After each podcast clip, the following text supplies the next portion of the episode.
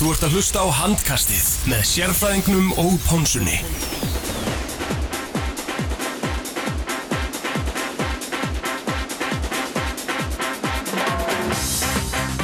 Jú, komið sæl og blessuð og velkomin í handkastið. Við erum hérna í samstarfi við áttuna FM og í bóði Kubet, bestu veðmála síðu í heimi. Petti Ponsa heiti ég og verð með ykkur hér ásamt sérfræðingum Arnari Dæði Arnarsinni og góðum gesti, engin annar en Baldin Fróði Haugsson, stundum kallaður Baldin hinn Fróði. Eh, Baldin, ég ætla nú að byrja það að bjóða þig sérstaklega velkomin.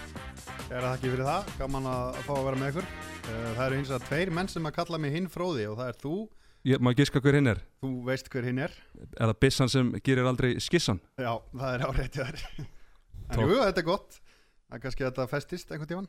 Já, já, við, við gerum okkar besta hvað það var þar. Sérfræðingur, þú ert á fullu raunni eftir að Agraborgin sildi í strand og, og, og, og, stýri skútunni hér. Já, ég heldur betur, góða mann mér við hönd og við erum allir bara ferskir, brjála að gera okkur, mikið af uppástungum og við erum að fá mikið af póstum hérna og þaðan og ég held að við getum glatt fólk með það að við erum með góða hugmynd í, í bígerð og við kannski förum yfir það setna en það eru, það eru stór tíðindi í handkastinu. Algjörlega, algjörlega fylgisti með því.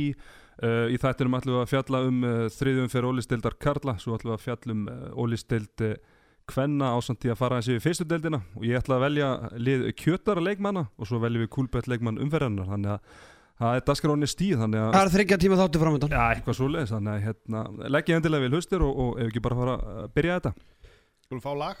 Pála, góður, heyrðu, við Bal byrjum Baldin, hvað er, hvað er þitt uppáslag með áttunni? Á áttunni. Með áttunni? Með áttunni. Nei, nei, kemur fyrst í hugan. Mm -hmm.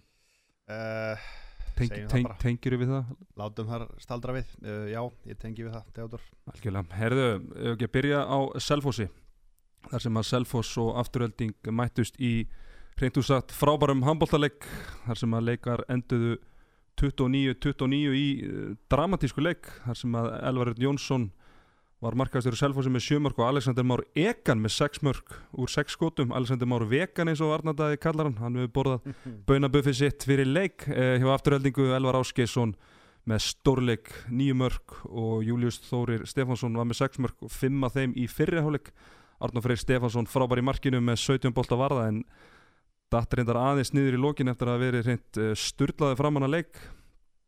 Uh, strákar Gaupi talaði fyrir leika að þetta væri tvö bestu liði landsins, ég get sagt að þetta eru allavega svona tvö, svona þeir liðin sem ég sé, þetta eru allavega tvö skemmtilegustu liðin eins og, og staðan er núna. Já, klárir, ég get alveg tekið undir það og hérna bara, það kemur ekkit rosalega óvart að þessi leikur endur út af því að fyrirfram því að var aðeins að spá í hérna stöðlumun á Coolbet þá ég hef aldrei sett á hana leik. Og ef ég hefði sett á hana hefði ég bara hent bara nokkrum á dúlum á hérna jættifli mm -hmm. ég reyndar hendi í overs og það skýt fjall. Ástæðan er svo að þetta eins og segir þetta eru tvö frábær sóknarlið. Uh, markvæslan ekki búin að vera upp á marga fiska hjá Selvósi hann, uh, Pavel reyndar vaknaði heldur betur lífsins í, í lokin og bara gott sem vann þetta stig fyrir það í lokin, hvað var þann þrjú skotan í lokasögninni? Já, þar á meðal bara einn styrlaðasta markværsla sem ég sé þar sem hann ver og tekur svo frákasti með einhverju karate kid stöndi, ég hérna mæli með að ég tekja á því, gjössalega frábær vassla þar á ferð en, en það er rétt hjá þér Pavel, hann, hann byrjaði leikin mjög rólega, uh, skipt út að Helgi Hlinsson kemur inn á í stöðinni 12-8 fyrir afturheldingu og við það fer Selfoss úr 3-1 nýr í 6-0 og jafna leikin í 13-13 en svo dettur hann niður og Pavel kemur á í lokin og, og þakka heldur betur tröstið í lokin og, og kannski ásamt Elvari Erni Jónssoni svona sildu þessu stíi hús fyrir selfisinga Já, klárlega og, og, og hérna veganistinn, Alessandr Már vegan hann heldur áfram að að bara vera sólit, við mun, munum eftir því við rættum það í uppbytuna þettunum að, að hægri hotnaðarstaðan gæti orðið vandamáli hjá, hjá Selfossi, ég vildi setja á í annarsæti jafnvel ofar. Eh, og hérna það er svo ótrúlega, ég man eftir einu leik hjá þessum ma- drengi í fyrra áður að fóra á lándið þróttar og þá var hann bara helviti segur. Mm -hmm. þannig að eh, ég veist, hann er bara vera frábær fyrir þá og hérna Átni Steit svona þrjú mörgum, sex, sex skotum þetta var svona erfitt, Hauki þrasta líka Haukur náttúrulega stígur upp varnarlega Arnó Freyr hjá afturlíku, hann náttúrulega hann hefði að mátt taka fleiri bolta í, í setna hálfleik Já, algjörlega, hann er eiginlega svona frábær er svona fram á kannski 47. mínútu þá er hann gjörsanlega styrlaður og bara uh, fór langt með að sigla þessu leik uh, í hús fyrir afturheldingu uh, Baldin Elvar Örn Elvar, fyrir ekki, Elvar Áskilsson hjá afturheldingu nýju slumur, hann er að byrja þetta Íslandsmóta miklum krafti. Já, hann er frábær og, og bara sennilega þeirra mikilvægasti leikmaður í dag. Eh, spila vörnina vel líka. Skulum ekki glemma því og hann er svona, hann er að stígu upp núna og hérna hann alltaf var frábær, hann var allt í öllu í sóknarleika afturhaldingar í fyrra áður hann fyrir í þessa jólatri hérna, tí, tíningu. En núna er hann bara, hann er allt í öllu hann er að skora og svo náttúrulega má ekki gleyma því að hann er líka að búa til fyrir liðfélana þannig að ég, ég puntaði niður hérna hann er bara að finna sitt gamla form og, og hérna veist, ef hann heldur þessu áfram þá bara hver veit nefn hann hendur sér aftur á reynslu hvert út og, og eða jáfnvel elvar í sjálfum sig Heldur að Elvar Áskilsson er kannski heldur að þetta myndi vikslast ef þetta væri í dag? Ég, ég veit eða, hann er allavega eins og segja hann er, að, hann er, hann er náttúrulega bara góður handbóltamæður og hefur náttúrulega verið þjakara meðslum eins og margur, margur annar þarna á, í afturhaldingu en með elvar í þessu formi þá er afturhalding bara í, í topp fjórum og sérstaklega þegar þeir eru konum við loksins með markvæslu, hún hefur ekki verið til staðar. Hvað bara síðan Palma Pétursson var upp á sitt besta? Mm -hmm, Algjörlega uh, Við settum afturheldingi í fymta sæti sem var nú svona hæst af þeim aðli sem voru að spá. Getur við sér afturheldingu enda bara jafnvel enn og var með hvernig þið byrjaði þetta, Baldin Já, já, ég minna þeir fara virkilega vel að stað eftir væga sagt hörmunga byrjun í fyrra. Um, þannig að það verðist vera komin einhver svona meiri rithmi í þá og bara menn í standi talandi um elvar, ég minna þetta er svona gaur sem að, sem að mér finnst að landsliði þurfi og bara íslenskur handbólti stór gaur sem að getur spila hérna báðu megin á vellinum. Þannig að það er vonandi að hann haldi áfram og, og eins og ég segi, fari út. Það væri gott fyrir, fyrir boltan en það heima að sjá það. Mm Algjörlega.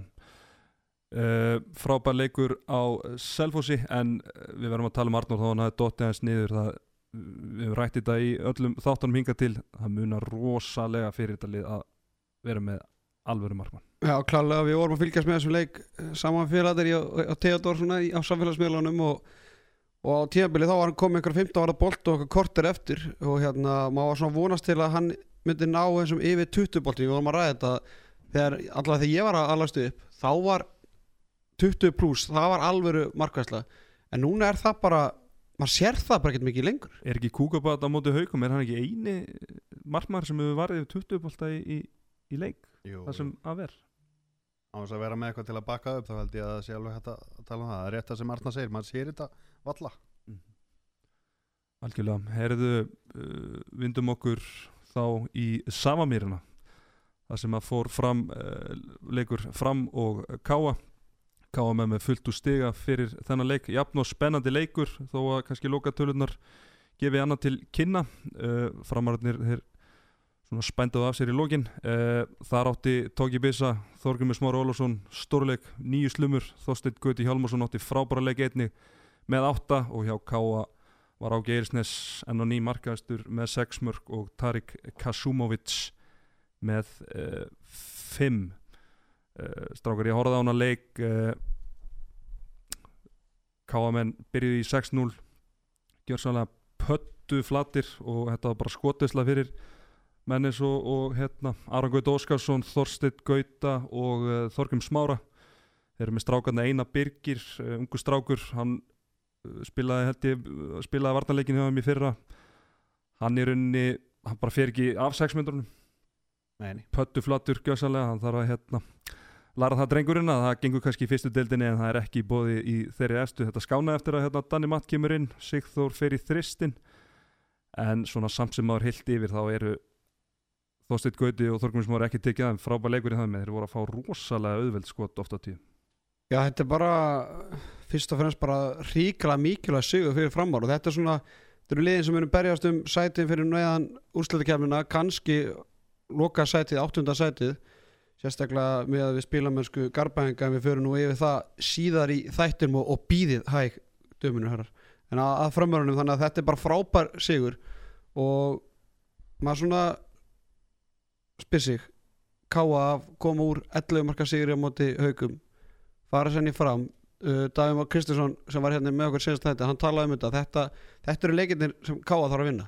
Og sigur á móti haugum sko, jú, blessunarlega fá að tvö stig, en þetta er miklu mikilvægri hérna, leikir fyrir Káa og hérna og Káa voru ekkert líklegir. Þannig séu, Stefán Átnánsson talar um það með þess að í hérna, eftir viðtölu leika, þeir voru bara ekki líkið sjálfur sér. Algjörlega, uh, Ági hann er markaðastur en, en þetta er svona hans langt sísti leikur hingað til og, og þeir með kannski ekki mikið við því. Uh, að kannski komi í baki á kamerun líka, það er kannski breytin, þeir uh, Jón Heðar sem er búin að vera að spila með hann í það með fyrstu tegum leikjónum og, og gert það frábælega, hann er ekki með ég held að hann hef bara verið á, á Anfield ef, það að- er há rétt. ef að heimildi mínar eru réttar og Ef að ræða það eitthvað. Hvað finnst, hvað finnst ykkur um það? Þið horfum báðar á mig, mér finnst það bara galið. Já, En ég minna að þetta lítur að hafa verið löngu ákveðið og allt það En, en ég minna, skiptir það máli. Það, Þetta er alveg af galið þótt að menn vitið það ekki sko Já, akkurat og þá kom hérna góðu maður að mér og, og, og, og var að tala um þetta við mig um helgin og hann spurði einfallega bara myndi þetta gerast í, nei, í pepsteldinni Pepsi þeir kalla í, í, í fótbolta þá Já, ég er að segja Já, það. Nei, ég held Ég er að segja, þú veist, leikmenn Og mér finnst svolítið mikið um þetta í handbóltanum Ég hef nú gerst, gerist nú sekur um þetta í fyrra á þetta vinnuferð. En ég menna það er það, það er sama. Mér, Ég meina, leikmenn vilja þess, að þetta sé tekið alvarlega já, og hérna vilja meiri umfjöllun og, og allt það. Þetta er ekki bóðlegt sko. Ég meina, ok þetta, vinnuferð, gefum það ískilur og menn hafa verið að ég meina Rakel Sigurðardóttir, leikmaður hauka hún slefti nú leik í úslættikenni fyrra minni með út af hérna, hérna flugþjónu eða flugfröðiskóla sko. Þannig að hitt og þetta sko, vinna kannski tekur fram yfir en, en jamfer til Englands á ekkert skítin Liverpool-leik sko, það vita allar Liverpoolar fara að vinna hann leik sko, saman hvort að Jón Heiðar sé í stúkunni eða ekki. Þetta er bara mér finnst þetta ekki frambarilegt En býðið ég hægir, Andri Heimir sömulegis úti hjá fram.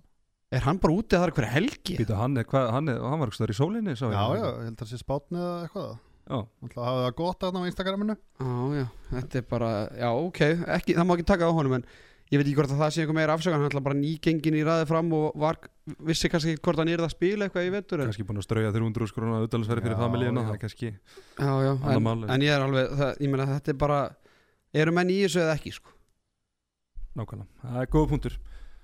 Herðu ég, strókar, ég þarf eiginlega að hendi ykkur magnari tölfræði.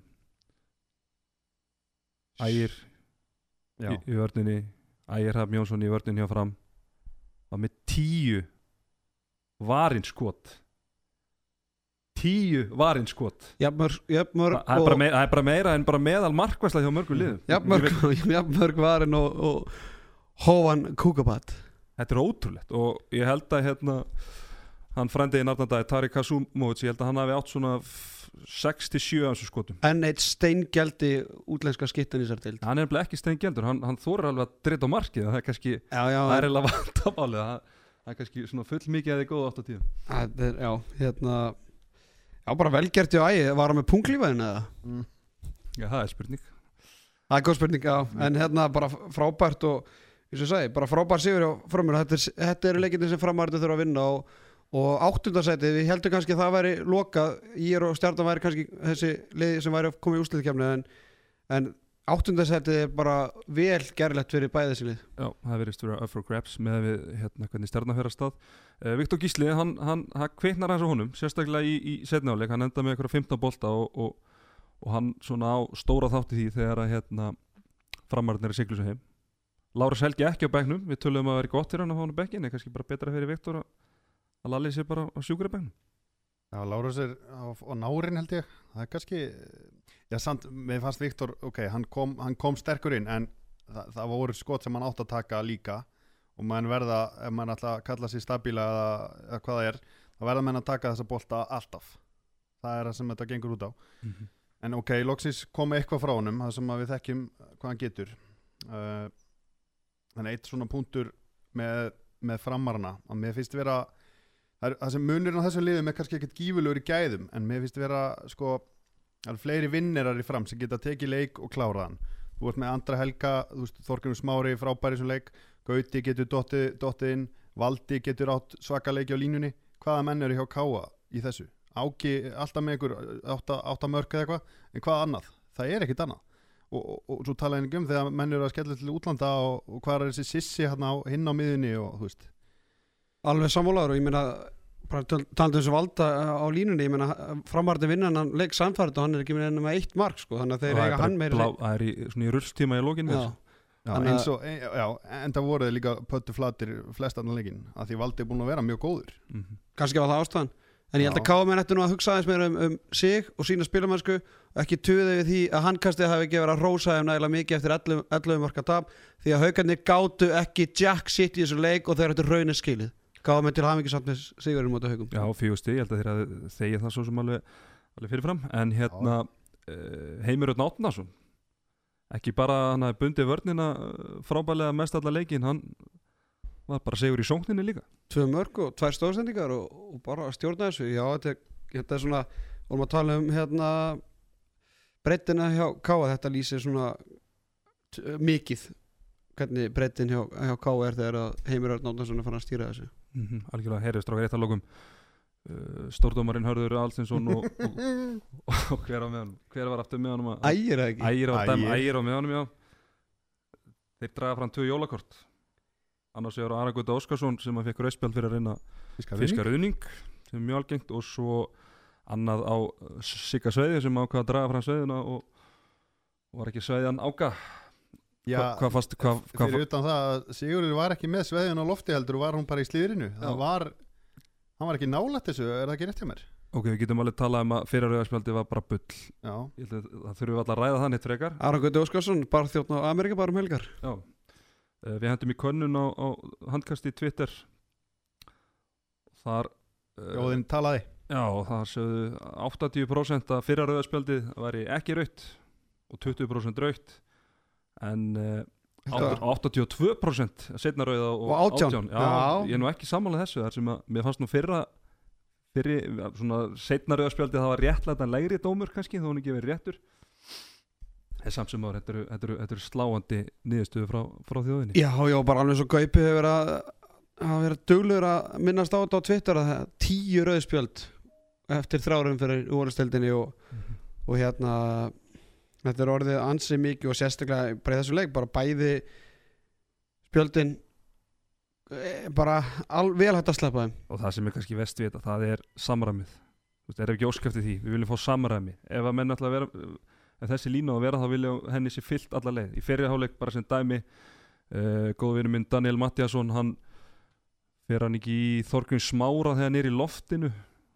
Og hann svolítið skellur á bakinu og bara pjúra raut samkvæmt reglunum en hann sleppur með það en, en svo er svona minni brot sem að uh, fá raut spjald og við óskum eftir uh, samræmi frá dómarnum strákar, eða ekki? Samanlá Jú, og hérna bara rétt í lokinu með mér sá dóngjæslu að hérna sko heilt yfir finnst mér dóngjæslan í vetur verið bara fín í þessum leikjum og, en þetta eru þessu stóru atriði og ég get alveg bara tekið um það, ég á Baldurfróði og ég að Teddy, við getum alveg dæmt 90% af þessu leikjum en við erum kannski ekki með stóru atvikin á hreinu og það eru atvik, atvikin sem við ætlust til að dómarnir sem fara að borga fyrir þetta og að gera þetta nánast sko bara sem í sem er professional Já, að þetta eru atriði sem verða að vera hreinu sko. annars getur bara hver sem er tróðist að flauta upp í keftina á sér og flauta upp í lofti sko. getur bara látið hérna, Gunnar Mal eldri bara dæma þetta í Æ, ég ætla ekki, að, síðuskóla. ég ætla nú ekki, að, að fullir það sko.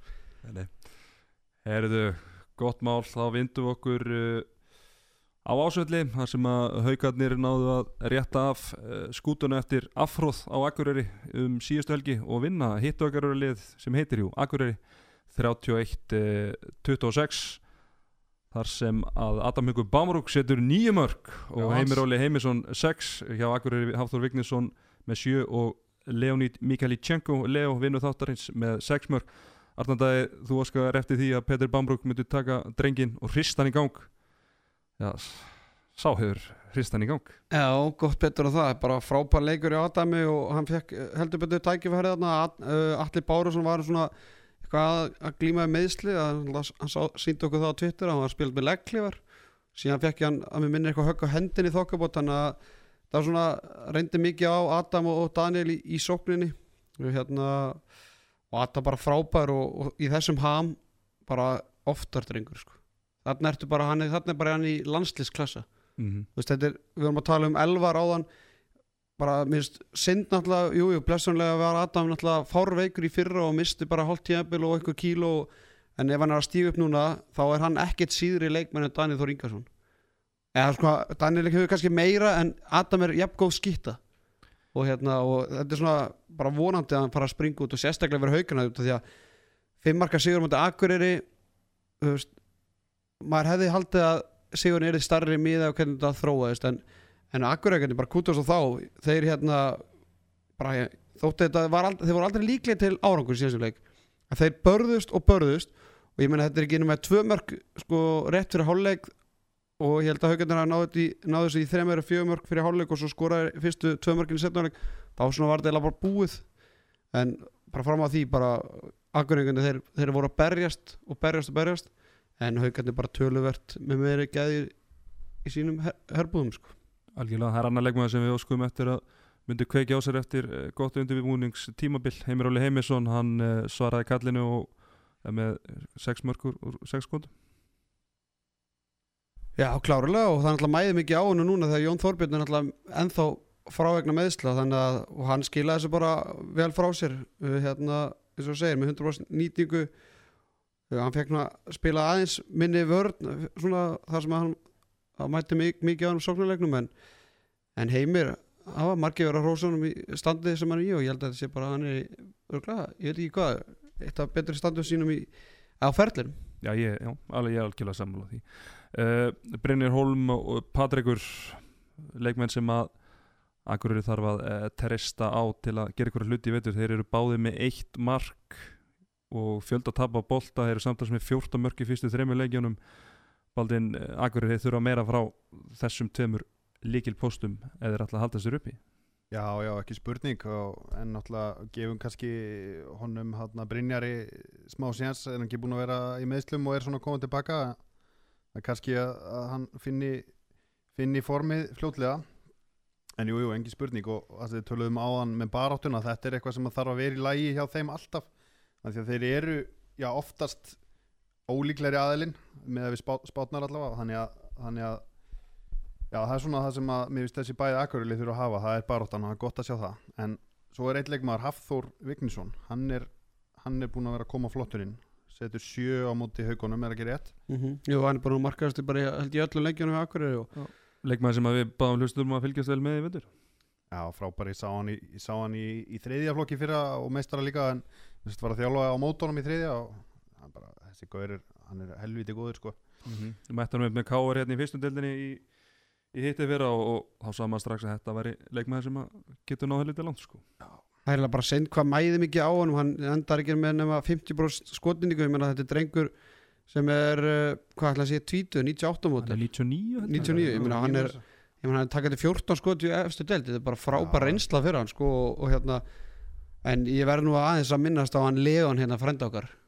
Frá, Se- Sex lumur en hvað, þú varst ekki ánæður með hans Nei, sko ég, ég get nú bara við, nei, ég, ég ætla bara að leggja orðið mun og, Sverri Jakobsson hann var gjössanlega brjálaður á hliðalínunni og skilja hann bara fullkomlega. Herru, byrjum á því. Akureyringar eru manni færri og það er ykkur sko 12 sekundur eftir að, að fyrir áleik hann tekur eitthvað gjörsamlega glóruleg stöðuskot á miðinni og alltaf bara sko ég man ekki hvort Gretar hafi sko gripi boltan og ég held að hvort að Gretar hafi síðan skotið yfir völlin eða hvort að hann hafi sendt eina sendingu á skot og haugandi klikka en ég meina, ég veit ekki hefði, hefði haugandi skorað þarna og komið eins og segið, þetta var ekki með 2-3 mörg breytið sér fjögur mörg Sverrir gjössalega raunaði yfir hann þegar flautaði til hálfleiks. Svo hérna byrja setnáleikurinn það er sama einhver glórulaus ákvörðun hjá honum ákveður hann að fara eitthvað milli 1 og 2 fær á sig svo mikið ruðning að það bara hlónaðist í hálf stúkan á honum og Sverri bara næstu svo út af með þið gamli sko. og þetta var og ég menna maður hvernig reyfir svo ég bara sko ég held að hann ætti ekki að fara sko, vera að æfa sögjarlega handbóltæðingu hann þurfti að fara sko í jóka og bara í liðleika sko ég menna maður reyfir sem svo hann sé sko búin að vera fastur í sko svona postulínu í ykkur 15 ár sko. Ég teka með mér í hotjóka í vorklaslögum í vikunni, ekki spurning.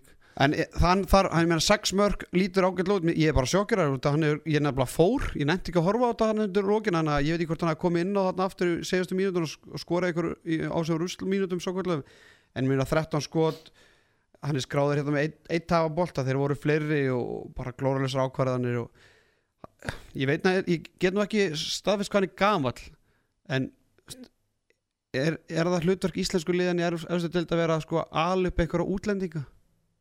Ég veit það ekki. Þetta er einhver bara málaliði sem er að reyna að fylla upp í skarðu hann er bara ekki ólisteldar hæfur sko. Bríu húsnaði Já, býr hjá Íhor, vinum mínum. Hann, er, hann var þrjú mörgur og þremur skotum og hann er segur kallinn. Það er góð leikmenn Já, En uh, Valþór Alli, hann er í leikmannahópið á um og er að ná sér eftir meðsli leikmaður sem að já, svona meðsli hafa plagað hann svolítið undarfærin ár. Uh, Baldin þetta er leikmaður sem að getur nýst akkur að leiðinu helviti vel. Já, já, ekki spurning. Og var hann ekki í er síðast í fyrra og er svona kannski fjall svolítið í skuggan þar á, á, á leikmónu sem voru undan honum. Sveitnadri, Bergvin, Bjöggi þegar hann er heill og er, já, hann, get, hann leikmann sem getur hjálpa á flestum liðum í, í deildinni, það er ekki spurning og, og klárlega og hérna hann alltaf eins og, eins og að tala um, hann spilar ekki mínúti í þessu leik og ég fór nú bara eins og stúfan og fór að vinna mína heimavinn og fór nú bara aðtók hversu, langt- hversu langt væri í hann held kannski að væri ennþá mittur þá er nú bara staðan svo, hann er nú bara klár Já. þannig að að, þá, sá aðli sem ég talaði við hann sagði bara að Valþórin bara býða eftir að sverja hendur minna sko. Þannig að mér, það var svolítið sjokkrönd og því að hann var aldrei líklegur til að koma inn á þessu leik og ekki það að hérna, sóknarleikurinn hafi verið eitthvað frábær og hérna, við erum alltaf búin að tala við León og, og, og Brynjar og Patrikur þeir voru kastandi boltana frá sér í gríð og erg þannig að það komið svolítið óvart að, að Valþóra ekki fengið sensin en hann alltaf lendi gríðarlega vondum hérna, axlameðslum og þekki það nú bara manna best sjálfur að, að það er ekkert grín að vera döttandi og axlalið hérna annarkvæð þriðudag sko. Þannig að ég held að sko, ég held að Valþór verða aldrei sami maður hann var en hann getur þá alltaf að spila og ágætis hérna, fyndari en hann er ekkert að fara að lúðra hann á, á tólmöndunum sko. Nei, nei, líka maður sem hefur reynslu og annað en kannski hinnir sko, og heimamaður alltaf er þossari sko. þannig að já, já. en já, bara þetta var örgur sigur í haugum og eins og ég segi ég meina þeir náttúrulega koma tilbaka og eins og Gunni í viðtali eftir leikina þetta var helviti löng vika hjá hann sko. Getur ímyndað ykkur? Í það. káa með 11 mörgum og það er vika í næsta leik. Og fá ekki einu svona að opna nokkra bauka í rútinu leiðinu heim. Þó þannig að væri sko bara orkinn er mikið neitt sko. en, en ég er að segja, getur ímyndað ykkur hvað þetta er leðileg vika? Já, já, Ha. þetta er, er ekki bara Það var ekki- fyrir að það var ekki tvóbolt í uppbytun sko. Nei, nei, þetta var samt samferðandi framist að þannig að þeir eru væntalega komnir á beinubröðina en sjáum til, uh, vindum okkur í bregðaltið þar sem að ír vinnur þrefaldameistar IBF 31 27 Sér, sér, Dum. sérfæraðingur kallaði þetta í síðasta þætti. Þetta stöðlun ír var 3,25 þannig var ég ekki að breyta einu dólar í, í, í þú, þú breytir einu dali í 3,25 Ah, dali svona gamli. svo við e, förum nú yfir það. E, hjá ír Kristján Norri Jóhansson með stórleik. 13 slumur og Þrándur Gíslason Róð með 5 mörg Sveitn Jóhansson ennþá meittur en Þrándur Gíslason hann ætlar ekki að láta þessa línumannstöðu af hendi. E, IBF megin Theodor Sigurbjörnsson með 6 Sigurbergur Svinsson og Elliði Snær með 5 mörg uh, hvor. Uh, strákar þessi byrjun á IBVF þetta er langt frá því að vera samfærandi já ég menn þetta er bara eins og bara meða liðið sér deild það verður bara að segjast. Og við náttúrulega, við rættum um þetta í senasta þætti og, og hérna ég náttúrulega var rætti þetta oft í Akraborginni fyrir ég, eins og ég sagði í senasta þætti, ég, ég rósa IBF valla heil, í neitnu eftir neinu umferði fyrra. Þeir eru, bara, sko, þeir eru ekki góður fyrir áramöndu fyrir en þeir eru miklu lélegri núna. Já. Grí, eh, ég veit ekki á maður nú er ég búin að sjá þessa leiki og það er bara það er eitthvað það er eitthvað aðhætna sko. það er nú bara þannig. Uh, sko, sko, ko, ég skal koma þeim aðeins til varnar. Já. þótt að það sé náttúrulega ekki afsökunarvert en þeir eru náttúrulega, það er mikla breytingar. Uh, Maggi Steff er frá ennþá megna meðsl og það er bara spurning hvernig hann kemur aftur inn. Uh, þeir eru náttúrulega missa báða markvæðina sín og við vitum allir um það að þeir eru allar með markvæðina þótt að Kolli sé nú að, að koma inn. Þannig að veist, ef ekki, ég veit þetta, ekki. þetta er bara En- svo andlust mér, er alveg, alveg sama þó að það vant, vanti hinn og þennan og bla bla bla bara þessi leikmenn sem voru, þú eru með Tjóto Sigurbjörnsson, þeir eru með Sigurberg Sveinsson þú veist, með Hákon Dada, þeir eru með Donna þarna, skilur, já, það já. er frábæri leikmenn og þeir eru, það er enginn þeim nálægt í, fyrir utan kannski Bekka sem er búin að vera fítni í þessum fyrstu þreim leikjum já, þetta eru frábæri leikmenn en þetta er ekki, þetta er ekki lið enn sem komið ég, við spáðum hvað í fjóraða sæti inn uppdöðan þáttunum, við farðum að farið á niður úr þriðja niður í fjóraða eftir eftir þetta markmanns bíó þarna hjá þeim uh, sko, ef maður horfir bara á þetta blákall núna og bara eftir þessar þrjár umferðir sko ég ég myndi setja lið bara í bestafall í sjötta sett ég myndi setja F á afturhaldingu fyrir ofað sérst allavega afturöldingu sko. Allavega Al, afturöldingu algjörlega. Uh, fréttarítari brennslunar í, í Vestmannum Benóni Freiriksson stórvinnu þáttarins hann er ekki ánægð með stöðum ála ég ætla að fá að lesa upp tweet sem hann hendir inn Er hann að fara að rífa fram veskið eða? að nóga að seglum þar allan að djúsis hörmungadagur heldur að IBF stjórnin ætti að rífa sig upp á raskatinu taka upp veskið og kaupa Kallkins markmann og almennilega varnamann kvennamein og stelpur sem getur skorað nokkuð mörg. Takkar hérna setni bylginu ólisteitin takkar reyndar ekki handkast í benunni þú kannski laga það fyrir næsta tweet. Er þetta ekki bara laukaritt hjá, hjá eiga prinsinu Kanáa, Baldin Jú, jú, hann tala nú sjaldan einhverja vittlisu, hann Benoni. Þetta er bara hár rétt hjá hann og kannski eitt sem að mér finnst með eiginliðið er sko, með því fyrra og, og hvernig er núna það er eins og Arnar sko hafi, hafi náð ATP þar að segja hafi náð einhver fram svona killer elementi í þá sko, þú veist, mér fannst þeir alltaf sko, einhver liggur í jörðinni í IPVF þá er allir mættir og allt, allt fer upp í háloft, þú veist, þeir bakka hvern annan upp. Það var eitthvað svona já ég kalla það bara svona killer eðli sko, þannig að þú veist, það var, þeir gerðu allt til að vinna, veist, það er eitthvað svona en mér finnst það vanta núna, veist uh, það er ekki, sko Erlingur og, og, og, og Kristinn eru náttúrulega frábærir þjálfarar, það vita það allir en það er eins og að þeir séu ekki að koma með svona sumu orku inn í liðið og já, það er eitthvað svona andleysi yfir þessu sko.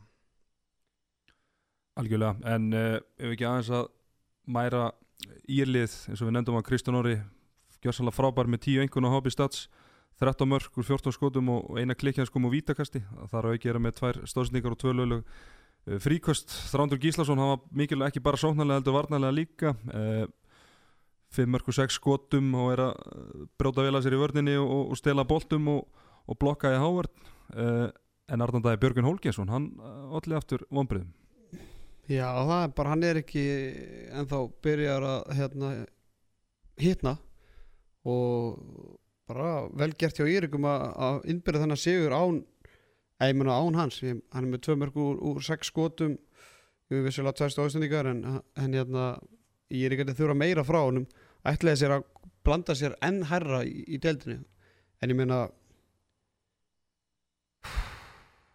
þetta er bara ég meina, ég veit ekki ég sagði, ég segist þetta að ég myndi setja peningum minn á sérstaklega með að hennar stöður, 3.25 þannig að ég, það er nú kannski- skrítið að ég segja að þessi úslit komi eitthvað mikið óvart.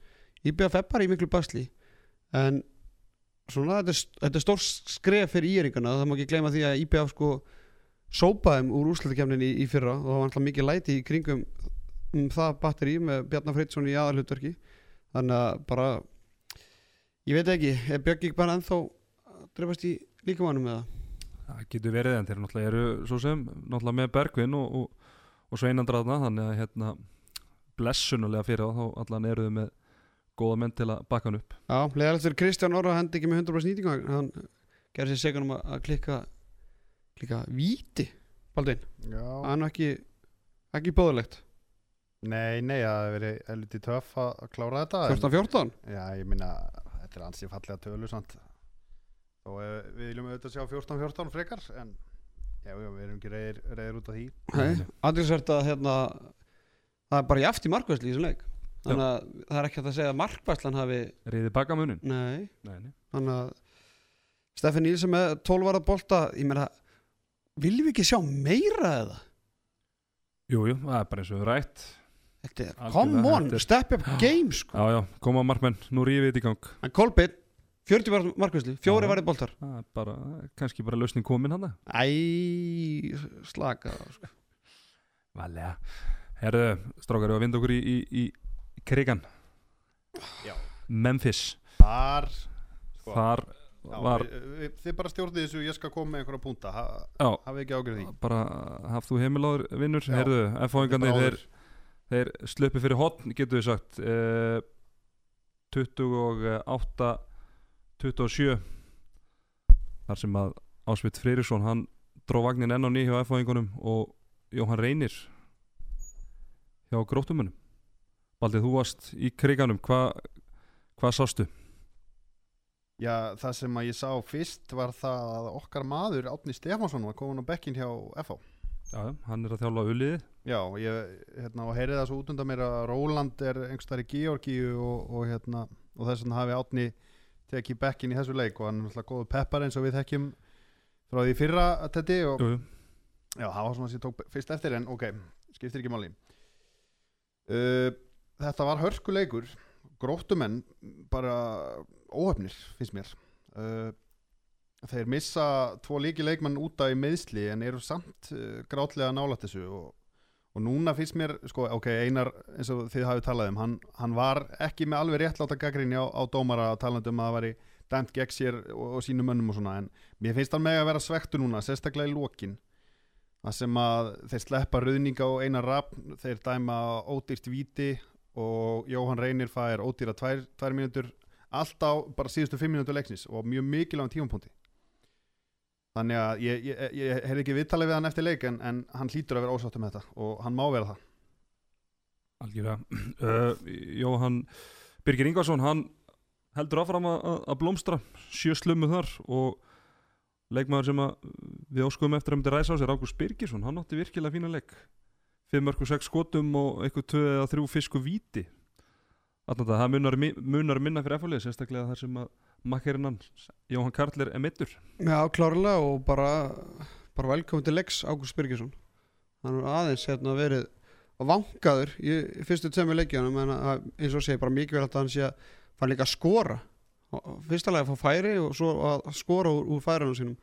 Þannig að það er ánægilegt uh, ég er að reyna að hugsa þetta því kannski geti hjálpað mér. F-faganir, voru þeir ekki alveg aðeins í þessum einsmark segurum í fyrra? Sérstaklega heimavalli það er ég að bylla, þeir náttúrulega vinna þannig haugana á, á að flautumarki með Val, óðin, Val líka. Var líka. Mm En þeir voru svolítið í þessi fyrra. Já, þeir eru góður í þessum jöfnuleikim Já, það er bara, það er helviti góð kostur sko. Já, það er Þannig að, Hvort er ekki unnur, ekki gróttuna í, í Var ekki bara svipaði leikur í fyrra? jú, sem við þá. Já, Þegar hérna, jamt á öllum tölum og svo bara spóluði fram á þeim í lókin ég meina svekkjandi fyrir gróttu að eftir þrár umfyrir að vera með eitt stig uh, og það er gegn IBF á útivelli þess að þeir eru með unni leik í höndunum í 58 mínútu uh, hefði hæglega geta stóli stíi þarna. Og, og síðan tapaður í seinustu umferð þegar þeir hitt ekki á almenna leik gegn, gegn val sko, en halda samt val í 21 marki sko, þannig að það er fullt af jákvæðum hlutum að gerast í, hjá gróttu. Og hérna eins og segi svekkjandi fyrir þá með þess að framistu í þessum fyrstu þremmu leikjum og er bara með einhverjus eitt stig. Nákvæmlega uh, Það að segja að Jóhann Reynir Gullusson hafi verið allt í öllu í sóknarleik gróttu. Getur ekki sagt að það sé ákveðið understatement? Hann er með, hann er með hvað? Hann er með einhver 19, 19 skot. Ekki nema.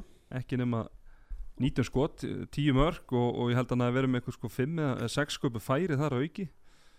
Og svo aðrir minna, tölvöld minna, Leonar er þetta með fjögur og svo er aðrir bara í þrem og, og einu, þeir, það er alveg nokkuð ljóst að þetta verður þeirra svona talismann í, í, vetur í sóknarlegin Já, já, ekki spurning. Ég, Þegar ég var nú ennþá að spila hérna í den en nú tala ég eins og ykkur algjör, algjör kempa. Hérna, þá, ég var, tók eitt ári vikingi 37 ára ekki? Já, já, þá tók ég eitt ári vikingi hérna og Jóhann Reynir var þar. Og hann, hann, hann bara þegar hann tettur á leikin sinn þá getur hann verið nánast óstöðandi, hann er alveg þannig sko, hann getur alveg dotti í það. En eins og móti val, þú veist, þá var hann skjóta mikið yfir og svona, það var svolítið erfitt hann, hann, hann þarf að vera hann þarf að vera með 20 skoti leik nánast fyrir þetta gróttulið það held ég að sé alveg klárt. Gellir, hann fekk ekki mínútu. Nei, Nei, sjokkarandi á gamla heimaðallinum Var hann á mæknum eða? Já, hann fekk að það var Mæki var settur hann á bekkinu en tölum að týndi sonurinn var að leiðin í krigan þannig að það er leiðilegt að hann hafi ekki fengið að, að njóta sín. Uh, Hvar var uh, Birgir Örn? Hann var ekki með í þessum Nei, leik. hann er að mittur Hann er meittur, já hver tók það hægra hóðnið? Jó, Eh, Jóhann Kaldal, Kaldal. sem við fengum frá gróttu. Já, hann, ok. hann uh, let lítið fyrir sér fara. Uh, Bjarni Ófi og Valdimarsson hann, við getum ekki sagt að hann byrji eh, sinn feril í það minnst að sóknarlega FH með, FH með uh, Trompi þarna dagi Nei, hvað er að koma- hvað er að kallgrið. hvað er að koma mörg mörg á, á tíumbilinu hvað er að koma margt mark hann er með eitt mark í fyrstu þreymur leikjunum þetta er svona fótbollatölfræði og ég meina eina jákvæða sem ég sé út frá því er að FH er kom, enn sem komið með fimm stík og ég meina Bjarni, þetta er bara skipta nummer eitt á liðinu. Og hann er með eitt mark eftir þrjára umverður Einar Rapp, hann er heldur ekki farin að hitta þá, þá leiki sem hann var, ég meina menn voru að kalla hann í landslið þarna fyrir árið síðan sko, eða innan við árið síðan. Hann er með 20-30 brú skotindíku bara hérna leikandi ég er að segja það þannig að það bara að FH skulu verið með tvo sigur og eitt jættefli uh, ekkert með frábæra markvæslu hinga til uh, og, og leikmenn eins og, eins og segjum Ágúst Birgisson átti náttúrulega sér góðan leik núna en ekkert sp- spes so far. Þannig að bara FH er sama og, gróta sko FH á fullt inni. Þannig að þeir geta verið bara prísa sér sæla með þessa stíðarsefnu sem þeirra, þeirra hafa náð hinga til og ég minna þetta er, er erfitt fyrir Bjarni Ófæk sko. Hva, hvað er með Bjarnarsand hann sko ég sá hann að leik og hérna, hann, hann reynir og reynir en það bara það gengur ekkit upp hjá hann eru menn búin að kortleggja hann svona veist, er hann ekki jafn mikill er ekki jafn mikill kraftur í honum og í fyrra eða Hann var hann eitthvað að slaka á í flottur sumar undir, eða- undirbúnstímbilinu sko þannig Já, að ég- þetta er- er eitthvað bara skrítið, sko. það er náttúrulega sko, það má ekki gleyma því að í, í fyrra það er náttúrulega í gróttu sem er svona lið þar sem þeir höfðu engu að tapa. Já, og hérna og þeir voru svona underdogs í öllum leikjum og, og menn gáttu gert hitt og þetta en núna er það kannski komin í lið eins og FH sem er þú getur ekki gert hva, hvað sem er. Það er meiri struktúr og, Já. og, og svona strángari kannski Já, já, vinnureglur Já, eða- þú bara átt að fara þessa leið og, og ég veit ekki hvort að það sé að tröfla hann, hann fekk líka nokkra spi, spilum með, með val á sínu tíma og jafnvel í, fyrra líka eftir að hann kallaði tilbaka. Og hann- er ekkert gengjur svolítið vel einmitt þegar hann fekk mínútur hjá val. En hann alltaf blómstar í grótt og það er bara spurning hvort að, að Bjarni Ófæði sé svona leikmaður sem að vill bara vera sko lítið, nei hvað sem er, stórfiskur í, í lítið tjötn eða er nákvæmlega þannig. Það ekki? Jú, Sko. bara laukar í þér Já, en uh, við tölum um þess að leikmenn sem eiga mikið inni. Það er eitt leikmenn sem er búin að vera góður í, í öllu leikjunum. Það er leikmenn sem að mér finnst ekki, Lasar í markinu. Ekki Lasar, vinnu minn. Uh, það er leikmenn sem mér finnst ekki alltaf fá það svona hrósemann og skili áspjöld Freyriksson bara herra áreðanlegur eins og við kýsa kallan bara hversu ég, ég bara hugsa þetta á leiðinni hérna, í á, á, leiðninga í víkukvarfið uh, New Balance stúdíu Já, ásið svona leikmaður sko, ég fatta ekki eða hvað var góður fyrir en ég fór að spila með hann sko. það er einhvern veginn, allur taktur í sóknarleik F-fólisis bara síðan hann kom náttúrulega hefur einhvern veginn farið í gegnum hann. Og ég fór að bara svona velta þessu fyrir mér. Er, hann, er þetta besti leikmaður deildarinnar síðustu tíu árin? Vá, það er stort í spurt Ég þetta nú að fá mínúti til að hugsa þetta. Hann er allavega hingað til er, hann- er hann besti útilegmaður í hérna ólisteldinni hann er með hæstu meðalengun í HB, á HB Stats uh, Nú er ég að byggja um síðustu tíu árin þannig að Já, ég er svona er, er að gefa mér nokkra sekundur til að hugsa. Já, já.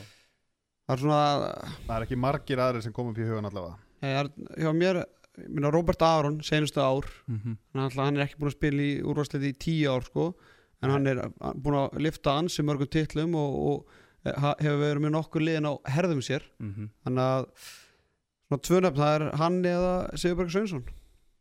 Algjörlega. Ég meina áspilnin er alltaf ekki í ykkur rosa mikilvæg hlutverki varnarlega.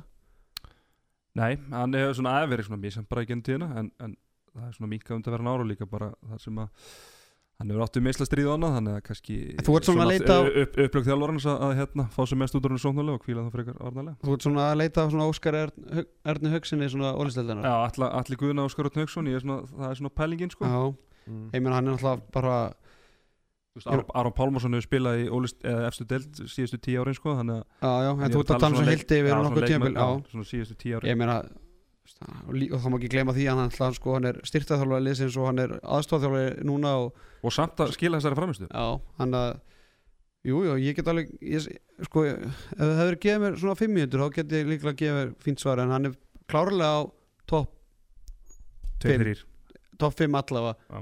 við erum allavega búin að nefna Robert og Sigurberg sem eru svona ég veit ekki, kannski, kannski eru þeir ekkert betur en Árspjörn þannig að, jú, top 3 Algjörlega. Herðu, þá er það uh, Garðabærin TM Höllin, Stjarnan Valur Já, 21 37 fyrir? Fyrir val. Afróð Arnardæði og Baldin þið voruð í Garðabænum. Já. hvað, hvað er í gangi? Ég borgaði minn, því miður. Ég borgaði með ekki. Hvað er í gangi hjá stjórninni? Ef að farið, farið tölfræðina áður en að áður en þið byrjið Ég ætla, Að ég ætla, ratta. Já, áður hún byrjar, ég ætla að skjóta á met í tæknifilm hjá stjórnunni Já. Bara svona gísk, uh, förum inn að hoppa í stats Förum kík- að kíkjum að hoppi stats. Já, ok, það er okkar menn. Veitu stjarnan tekur ekki þátt. Já, Nei, þeir, ekki bara, þeir voru ekki bara að drulla sig inn á vellinum heldur utan líka. Eh, fyrir það sem ekki vita það á félagun að sjá til þess að uh, hoppi stats skýslan sér fyllt út og þeir hafa ekki verið með í báðum heimaleikjum Já, þeir hafa klikkað í báðum heimleikunum en hjá stjórninu var Arnóndáð Pálsson með 5 mörg aðrir minna. Já en í, í sko, örgulega 17 skotum eða eitthvað já, já, já, höldum bara áfram. Áskilsnar Vignisson, Alexander Örn Júliusson og Agnes Mári Jónsson allir með 6 mörg uh, hjá uh, Val Arnóndáði uh, þú dörrullaðir yfir stjórnuna eftir fyrstum fyrir afturöldingu uh, við rósuðum eftir, eftir síðasta leik það sem er sínt allan að smá hjarta og baráttu en hvað var í gangi í Garabænum í kvöld? Herði, ég er bara gaman að ég sé inn á hérna vísir.is akkurat núna og það er bara fórsíðu fréttin á, á sportsíðinni Rúnar Sigdriksson, lélegasta framistæðar sem ég hef séð. Og ég meina Ég er ekki fræðið að hann hafi rétt fyrir sér. Bingo í sal. Já, ég meina, sko, ég hrauna yfir þá í fyrsta þettinum kannski ótímabært, ég veit það ekki en miða við þá sem ég hef talað við eftir þáttinn og hlustuð á þetta þeir hafa svona hugsað í eina, tvær, þrjá segundur og sagt bara þetta er bara hár rétt hjá þér þótti Já. og hérna ég meina Aron Daga Pálsson 5 mörg úr 15 skotum. Sumkvæð skotin voru ekki nálagt ramman og ég hugsaði með þennan dreng. Einna efnilegustu leikmönum deildarar ásand fjölmörgu senustu ár.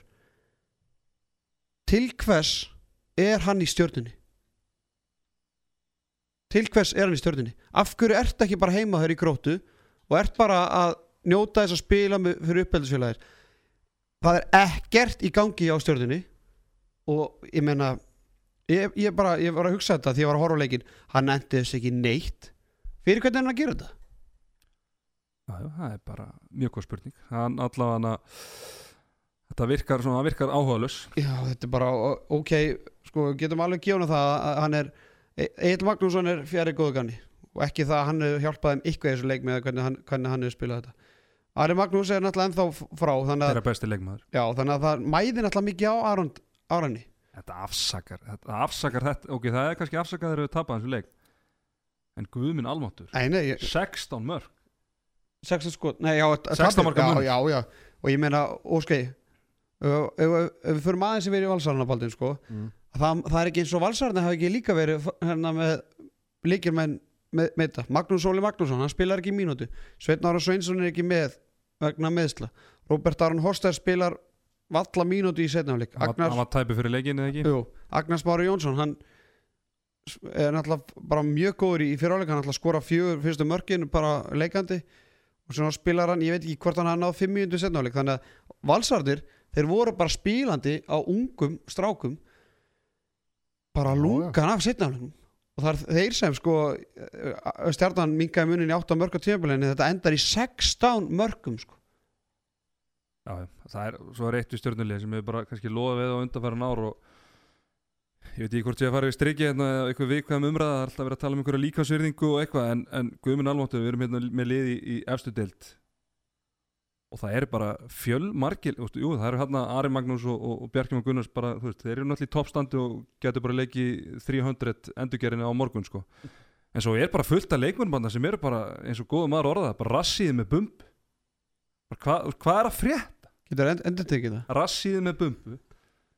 Já, já, klárlega. Þetta er, þetta, bara þetta fer, Nei, það er ekkert sem fer meir í töðunum mér heldur en, en, en íþróttamenn sem get ekki uh, verið í standi sko. Nei, nei, ok, tökum hérna borgarstjórin eða bæjarstjórin eða hvað sem hann, bankastjórin, hvað sem hann er kallað Garðar Benedikt Sigurjónsson. Ég held að hann hafi spilað okkur 40 mínútur í dag. Hann er með eitt mark og fjórum skotum og, og tvö klikk gjörsalega dauða færi sko, hvaða skilabóð ert að senda þann línumann sem er með tvö sem er Hörður Kristinn Örvarsson?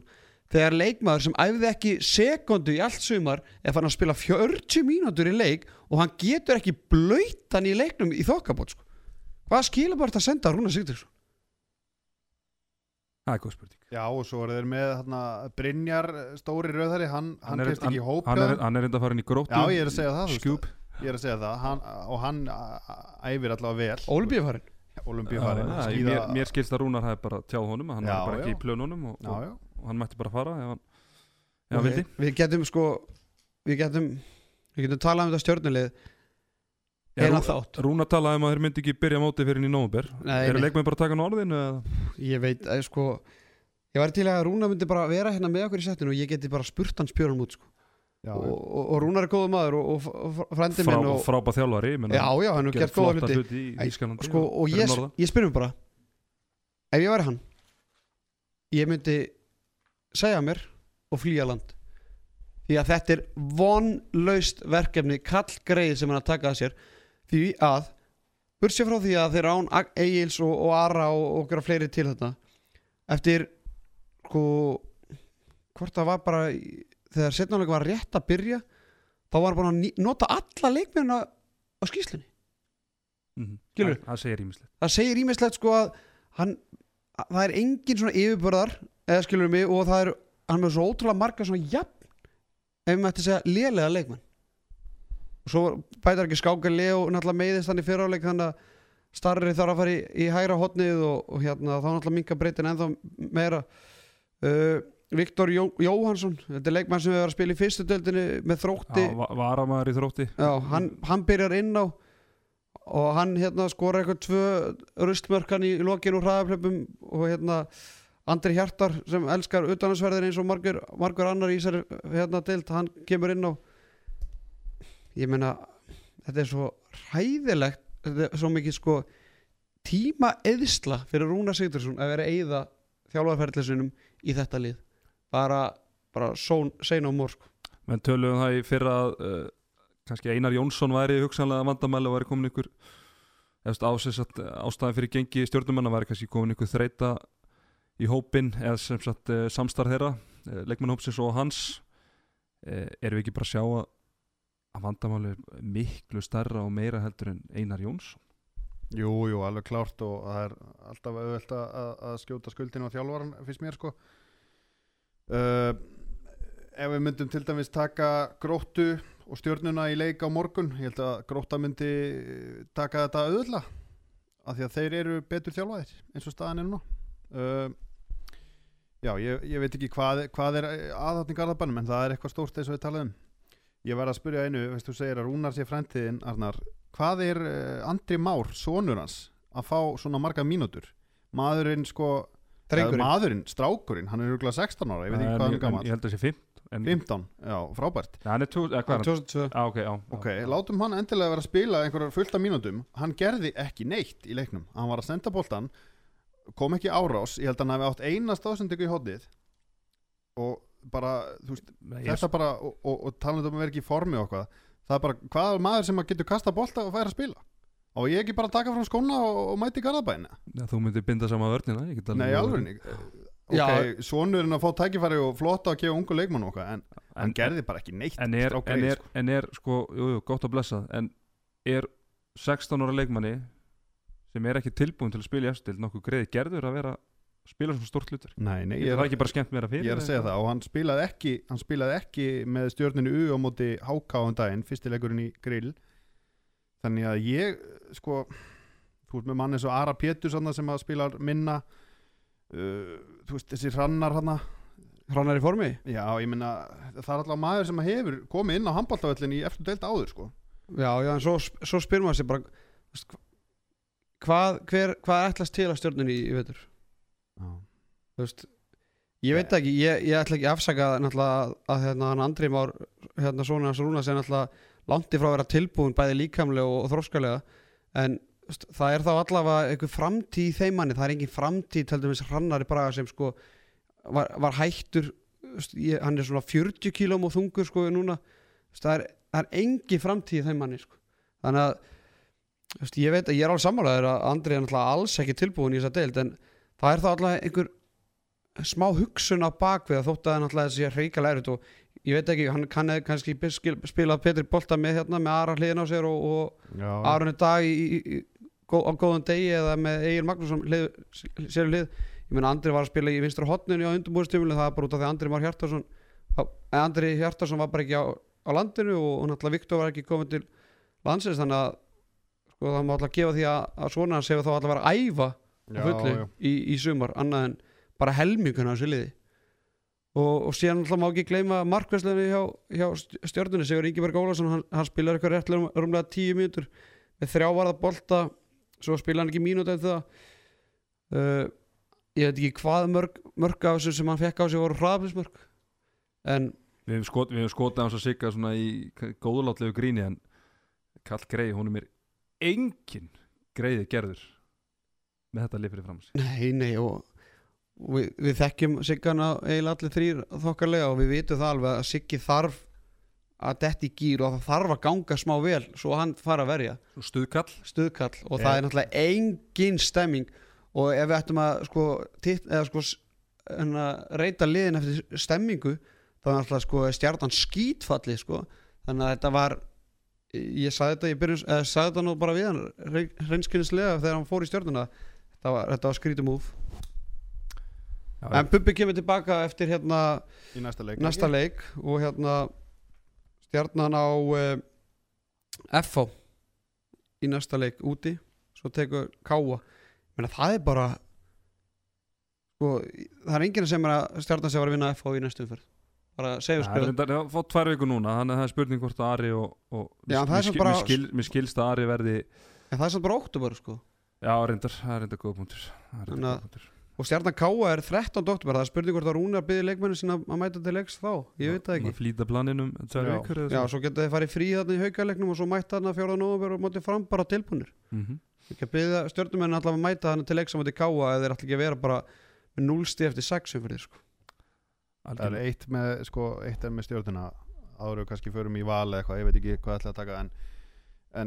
að ok, Aron Dagur er með sko hátt í 20 skot.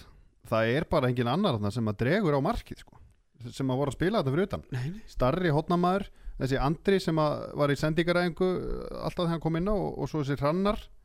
Bjarki Már, Bjarki Már var farin að hlaupa upp skiptuna í annað þriðatempo og hann skoraði reynda tvö mörg og fiskaði víti þannig að hann var Hann- náttúrulega bara einn Hann af spilaði náttúrulega skitt í fjóraflokki þannig að Já. hann er með góðan grunn þar. Og svo varst að spyrja Teddy hvað, hvað er alltaf til að stjórninni? Ég meina þeir hljóta þeir, ok, þeir láta einar fara eða hann hættir eða hvernig sem það var og, og, og Rúnar kemur inn þjálfar, búin að þjálfa í Þýskalandi og svona. Þetta hlýtur að vera svona ætlurinn hlýtur að hafa verið að reyna að komast aðeins herra í töfluna og, og fara að gera einhverju hluti með alansmann Bjarka og, og fyrir um atvinnumenn og ég veit ekki hvað sko.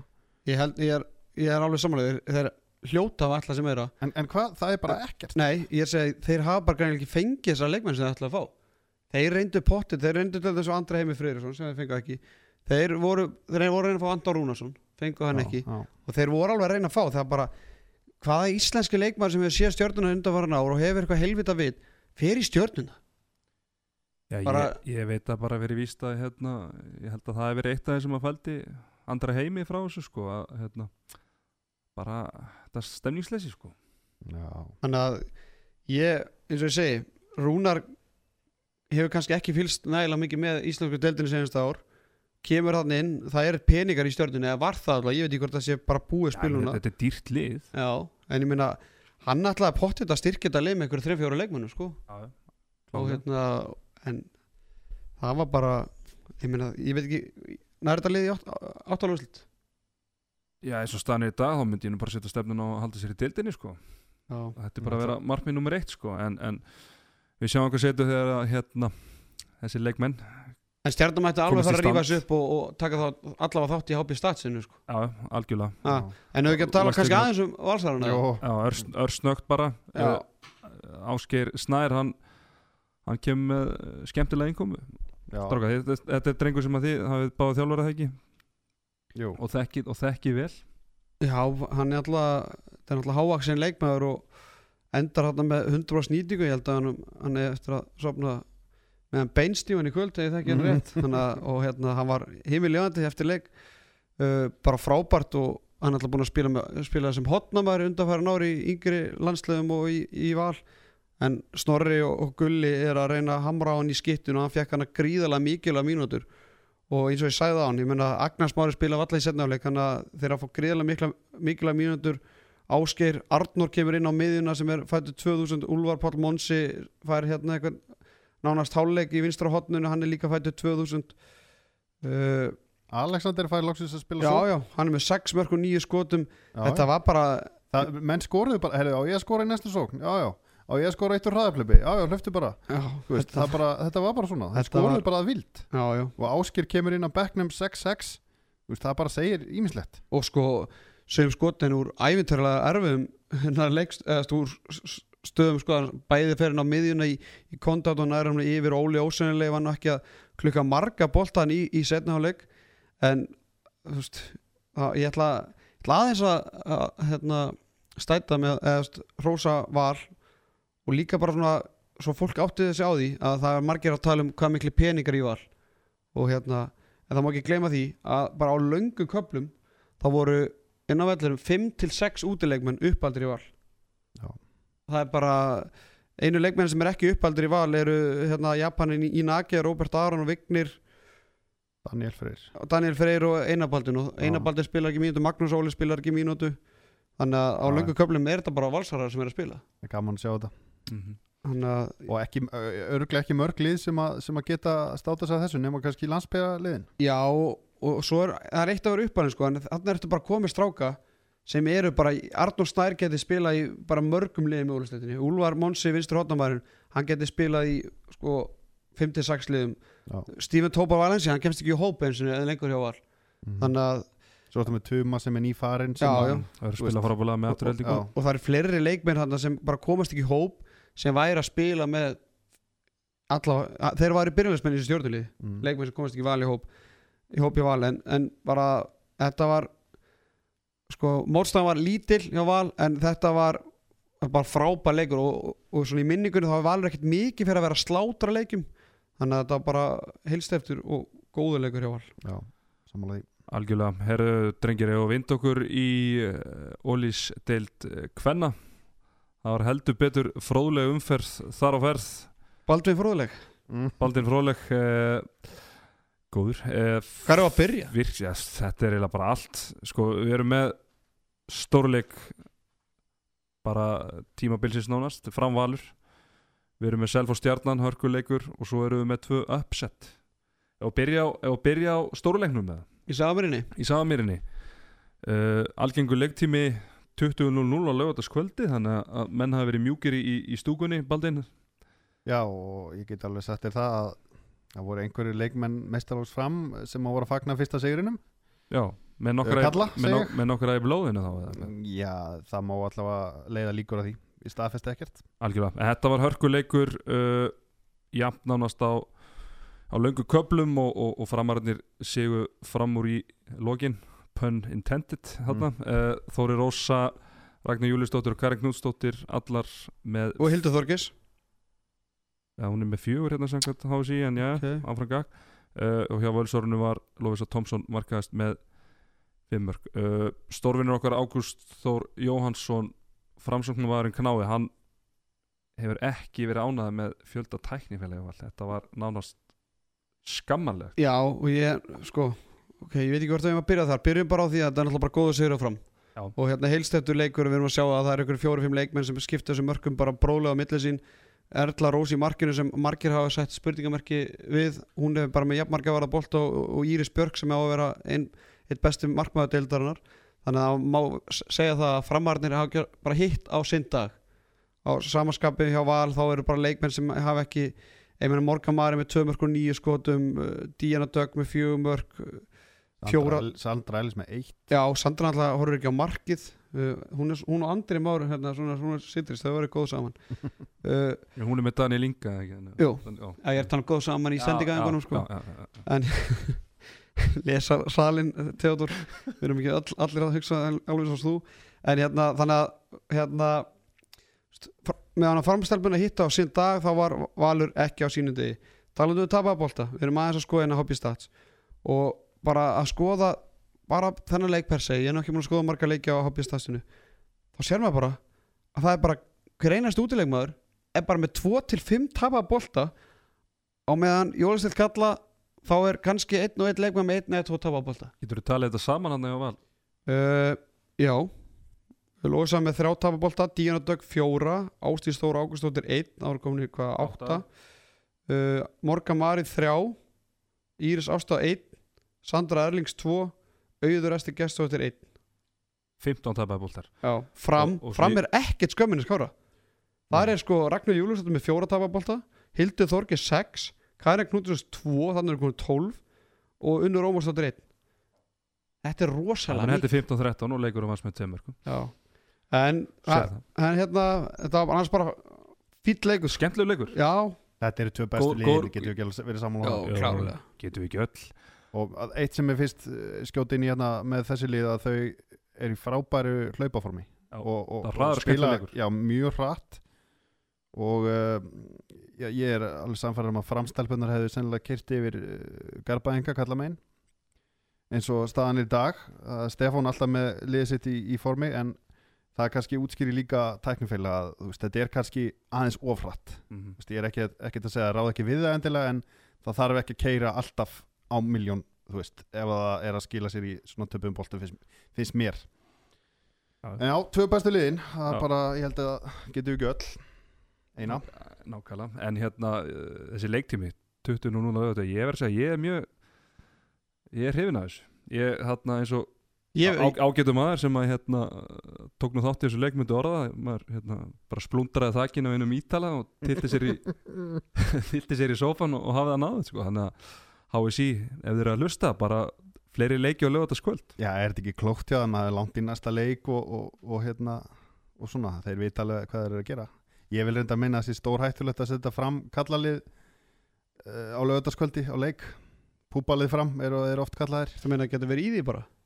Já, ég minna bara, ef þið vinna þá er bara voðin vís. Eða Já, tapa hafa það- reynda kannski líka Já, en ég það meina, skiptir engum máli sko. það var einhverju rosa veistlaðan eftir á maður og sá í djúsmýrinni Jú, algjörlega, herriðu strákari á vind okkur á, á Selfoss, þar var já, sem að fyrirfram margir töldu hörkuleik þetta er ekki liðin sem var spáð 5. og 7. sæti uh, Selfoss stjarnan og markaleikur 34, 34 þar sem að Rafnildur Hanna Þrastadóttir hún er vögn til lífsins með 12 slumur uh, Perla Rutt Albersdóttir með 8 og stjórnum megin var Þóriðan Áskistóttir Gjösala Frába með 10 mörg og Þórildur Gunnarsdóttir með 6 uh, 6 mörg úr 6 skotum 6 mörg og 6 skotum. Vel gert og enginn tapa bolti. Vel gert, heyrðu, uh, maður var nú að lesa, ég sá nú ekki hann leik en maður var að lesa hérna textalýsing og annað og, og þá skils mér að, að hérna að Sebastian Alessandinsson, þjálfari stjórnuna sem þekki nú selfhúslið vel hann á, bregður á það ráða að taka rafnildu hann úr umferð stóran part setni hálfisins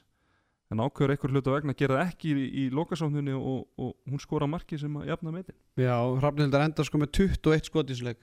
Já. þannig að hún er náttúrulega bara eh, hún er allt í þessu liði sóknarlega. Uh, Perla er náttúrulega með 8 mörg og 9 skotum. Ég sá nú lungan þessu leik.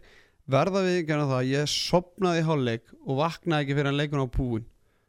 Því miður, en ég sá fyrir hálfleikin þannig ég sá ekki þarna þegar hann er tekin umferð. En ég held að vera að fara að minnast eitt annað sem var ennþá fyrirlegra okay. og ennþá skemmtilegra að hérna, þegar stjarnan er einu færri þá er nú svona í tísku að taka markmann út af. Nei, Sebastian Alexander tekur ekki markmann út af heldur setur hann auka línumann inn á þannig að hann spila með tvo línumenn og svo skittu miði og skittu svo voru bara línumennir hlaupandi bara einhvert Þessi, þetta er svo glæsilegu maður Og- Sasti. og þeir voru að tala um að- sjöttaflokk þeir voru að tala um að þannig að strákarnir voru að lýsa þessu á Selfos TV uh, hérna, frábært framtak að þeir náttúrulega voru að spila með Sebastian í, í mílunni þar var, var bastið að þróa þetta eins í mílunni sko. þannig að þeir þekktu þetta og könnust við þetta þeir, þeim fannst gaman að horfa á þetta Er þetta eitthvað? Afbrið? nei, ég held að þetta sé bara bastið spesial sko. Já. Og þetta er, þetta er svona skemmtilegt sko, því að svo hlupuðar stundum bara í hot svo bara hlupuðar aftur voru að rikki undir og, og varta með hann hjá stjórnunni, nei hjá Selfos vissu eiginlega ekkert almeðlega þetta er, þetta er, það er erfitt að hérna, já, já, bæði er erfitt að verjast þessu en samanskapið stjarnan vissi líka voða lítið hvað þær voru að gera þarna sko. já, já. Og þetta var líka svona, hann var með þrótt í fyrra ulið og ég var með fjölni í u spilaði á mótunum. Og þetta voru tveir skemmtilegustu leiki tímambilsins að mæta Basta. Hann var með sko fjórföld kerfi þar sem hann er að blanda saman kerfum. Hann er að breyta og búa til eitthvað nýtt. Uh, við konumst við Cairo þar sem að línumæðurinn kemur út. Hann var með einhvers konar tvöfaldan hann er að línumæðurinn kemur og einhver hotnamaður sko. Já, já, þó það nú væri. 13 hétt Cairo en þetta hétt 13-13 þannig að það var tvöfald sko. Þetta er, þú veist, þetta er frábært. En þetta var eins, bara frábær hérna frábær leikur þótt ég að nú sopna en ég horfði nú á, á seinustu mínútuna bara maður getur spólið tilbaka á YouTube sko. það, er, það er svo skemmtilegt nýjustu tæknina sko. Jú, jú en uh, bara kemur ekkert óvart að þessi leikur endur með jætteflu og þetta er einmitt liðin sem munur berjast um hérna, þetta fjórða sæti ásand kannski eins og staði núna haugunum jáfnvel Uh, það eru tvei leikir hérna í viðbót Haukar, Káa Þór og, og hérna IBF Háká svona uh, fyrirfram þegar maður horfði, horfði á þetta þá hugsaði maður, já, já við munum vantilega ekki þurfa að eða miklu púður í, í, í þessa leiki örgir heimasýrar liða það sem maður spáð góðu gengi á móti nýliðum en heldur betur ekki. Og byrja, byrja í Vestmanni IBF Háká byrjum á Vestmunum 21, 22 fyrir Háká fyrir Háká, þetta eru bara einn óvistut úrstýttráku sem við bara séð, Ardansi Pálsdóttir langmarkast IBF með uh, áttamörk aðrar minna. miklu, miklu minna uh, Karolina Bærens ekki með mark. ekki með mark uh, hjá Háká þar stakk Díana Kristín Simansdóttir ofan í sínar gömlu vinkonur með sex slummu. Strákar, þetta eru þetta er alvöru uppsett klárlega og hérna bara sjokkjörandi, ég, var nú að horfa á uppbytuna þáttinu setnubilginu bara núna í vikunni og um helgina þar segja eftir þetta og þa þar var Ásker Jónsson og hérna Kristi Gumundsson þeir spáði IBF í, leikmaður stjórnunar. Já, þeir spáði þeim IBF öðru setinu og svolítið skrítið að horfa á það eftir að hafa vit, vita að þeir töpuð síðan moti Háká. Háká bara gerði þetta vel er svona ef þessi minnilega ætla að vinna þessi betur lið þá þurfa þær að skora minna og standa vörnin og það, það gerðu þær útlendingur hjá Háká hún eh, er enda með þrjú mörkur 11 skotum hún Diana. Mm -hmm. uh, Diana Kristín er með 6 mörg og 15 skotum.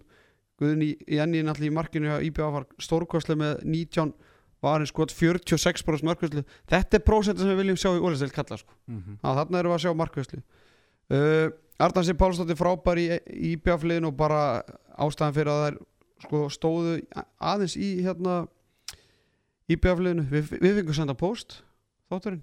Já, Þar var hlustandi sem var allt annað en ánað með framistu Sunni Jónsdóttir.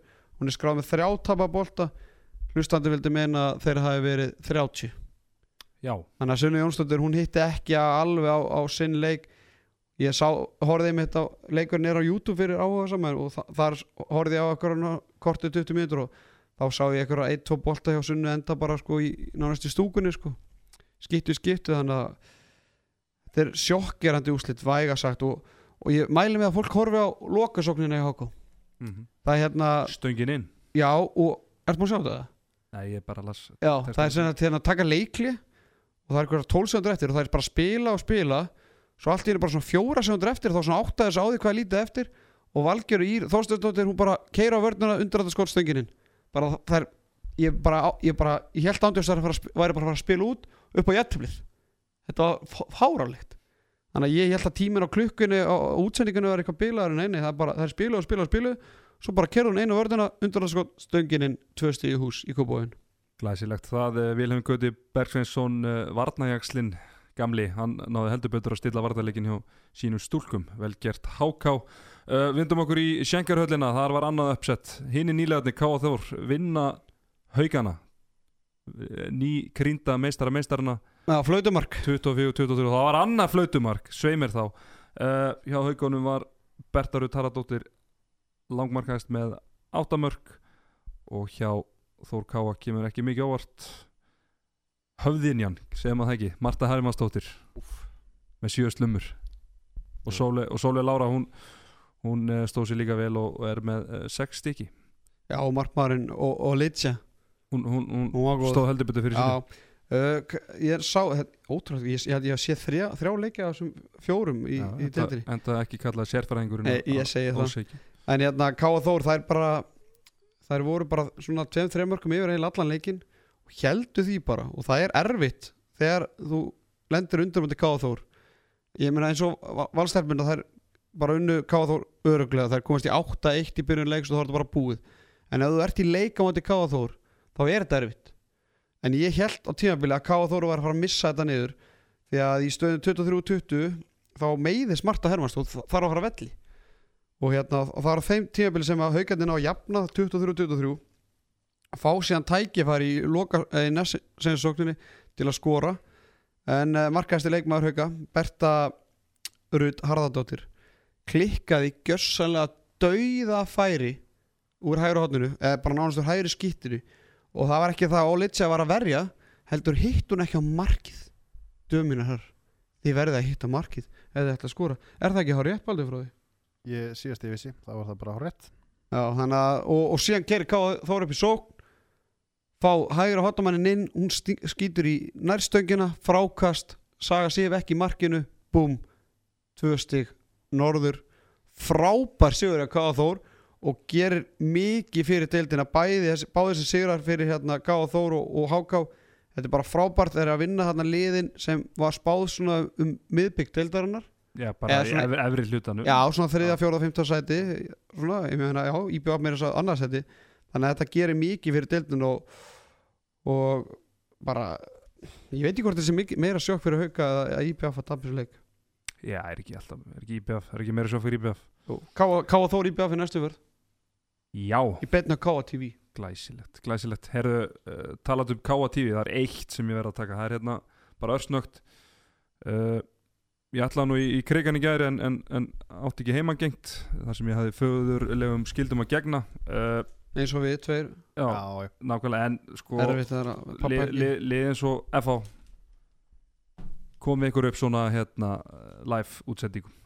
Og önnu lið sem er ekki komið með þetta. Þetta er frábært framtak. Haukarnir voru byrjar á þessu áður en internetið var fundið upp. Já, já, stór klúbur og FH uh, þú veist, þeir eru með þeir eru með frábæra myndvislu hérna í, í, í fótballtarum harnátaði dæsir hérna en rífið í gang, ég skal mér þess að bjóðast til að lýsa einhverju leiki með það vantar, bara Vá. komið þessu upp. Þú var gellir? ESAP, ég skal lýsa mig gelli.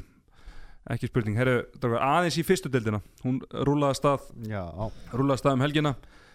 Eh, þessi, þessi fjarlaga deildi eins og við kýsum að kalla þetta við erum að tala um Viking, Þrótt uh, Fjölni og Háká. og og annars eru bara ulið og við erum komnir í þá stöðu að það er eiginlega að við erum með deildana líka sem eru bara ulið líka þannig að við erum held í komið sko fleiri ulið en, en, en alvörulið ég er með tvölið. Já. í, í þessum, í þessum tveimur deildum. Alveg líka ekki? Nei, já. ára við, ára við kannski spáum í spilin fyrir fyrstdeildina er þetta ekki bara tónt bull? Þurfum við að fara að fækka bara aftur í ólistdeildin eða?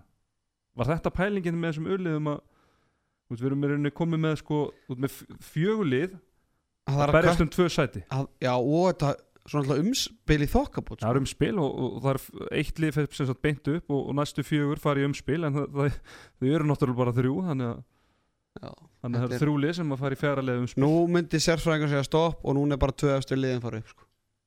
Uh, Það ekkit- við skulum ég myndi vilja hafa þetta af því ég held að það sé, ómikil, það sé það mikil geðamiður og munur á milli þessara delta fyrsta sæti beint upp uh, annars sæti fyrir umspil við 11. sæti í Já. Ólís ég er sammála því Já. því að það er eh, engin tilgangur fyrir þessi lið að spila þessa leiki veitur Nei. þeir eru öryggir í umspil þannig að þeir getur bara undirbúið sig fyrir umspilið mm -hmm. bara með góðum utalansverðum og góðum liðspartjum mæta Mhm. svo bara ferskiti leiks í umspilið og bara toppa reyndum tíma þannig að þetta er, já ég myndi það þarf að stokka eins upp í þessu sérstaklega með okkur staðinu núna. Já, algjörlega. En eru ekki að, verður þetta ekki fjölnur að háka sem að berjast um þetta sæti um að fara beint upp?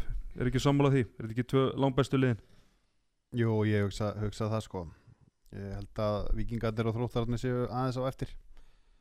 Við náttúrulega þekkjum fjölni vel Teddy og, og hérna vitum hvað þeir geta það er svona heldu, hvað er kannski kjarnanum mm -hmm. og erum með unga leikmenn hann upprænandi Háká sumulegis, marga unga búin að fá Þórð Rapp og Guðmund. Átna, gamle haugamenn sem að eiga nú bara að vera- komin hann líka eiga nú bara að vera frábærir í, í, í grill, grilldeldinni Já. Þannig jú, jú, ég hugsa, hugsa að það sé alveg, alveg rétt Þannig að við getum séð lið fólksins vera með úrástelda lið í, í, í kalla í fótbolta og handbolta þetta er, þetta er mínu menn Mm. óþannum væri maður Þetta er ótrúlegt að lifa stórt hverfi náttúrulega. Já, stórt hverfi, bara stórt bæjarfélag. Já, já. Úti það verið eina handbóltalið hashtag háká, alltaf háká. Já, en uh, við tölum á þessum uh, Viking og Þrótt. Þau mættust í leik. Hvernig var það, á fimmtudaginn? Já, og það voru sangallar Senur. Arnarda, ég ætla að leifa þér bara að fá orðið. Hvað, hvað gerðist þarna í Víkinni? Nei, ég minna það sem gerðist var bara það að- leikurinn endaði með jættefli uh, þróttararnir voru náttúrulega bara með unni leik í höndunum. Þangað til að uh, þeir mættu til leiks dómarnir Þeir, þeir, þeir, þeir eru tvei mörgum yfir með boltan og það er einhver Já, ég, ég held við þurfum ekkert að lýsa þessu ég held að öll þjóðin sé búin að sjá, sjá þetta. þetta. Ender Hilmar Jésús Já, Hilmar Jésús og, hérna, og Maggi Mix Maggi Mega náttúrulega Hilmar Jésús, það má ekki gleyma því hann er fluttur heim til Íslands til að dæma leiki fyrir ASI frá Nóri hann býr í Nóri og búin að búa þar senast árin. Og hann flytur, eða hann er fluttur inn til, til lands, flýgur hingað dæmir leiki 5. fyrsta lögat og sunnunda, hann er búin að borga flugið og þá getur hann verið hérna með vinum ættingum þannig að þetta er, og sko sko það, við allir um hvað hann að tala. Þessi ákvörðun já Hilmari Jésu er gjörsanlega fyrir neðan allar hellur óskiljandi og það skilur engin nokkur maður þessu ákvörðun hjá hann og ég held að gera ekki sér sjálfur. Nei, nei. Hvað hefur farið fram í haustum ánum á þessu mómenti? Því líka br- stunda brjálaði sko. Og sko sko, bara í fyrsta lagi þegar hann sko þegar hann dæmið töf á hann sko. Þú veist, að það er runni, það, það líða ekki einu sinni svona þrjár sekundir þrjár? Hann, Hann hann, líður hann, flautar á hann og hálfri sekundu síðar þá dæmir hann hérna töfin á hann og beint í viti í rauninni þeir skora og svo, þú er ekki alltaf að taka það er ekki boltin að fara í leik aftur að geta verður að vera í leik til að segja þetta dæma víti. Jú, jú, og hérna sko svo má ekki glemma því að ég hef nú bara heyrt að ég veit ekki hvort að Baldur getur staðfist en, en Kristján Halldórsson eftirlismæður var á staðn eða skilu, það var eftirlismæður Hann var á staðanum, já Já.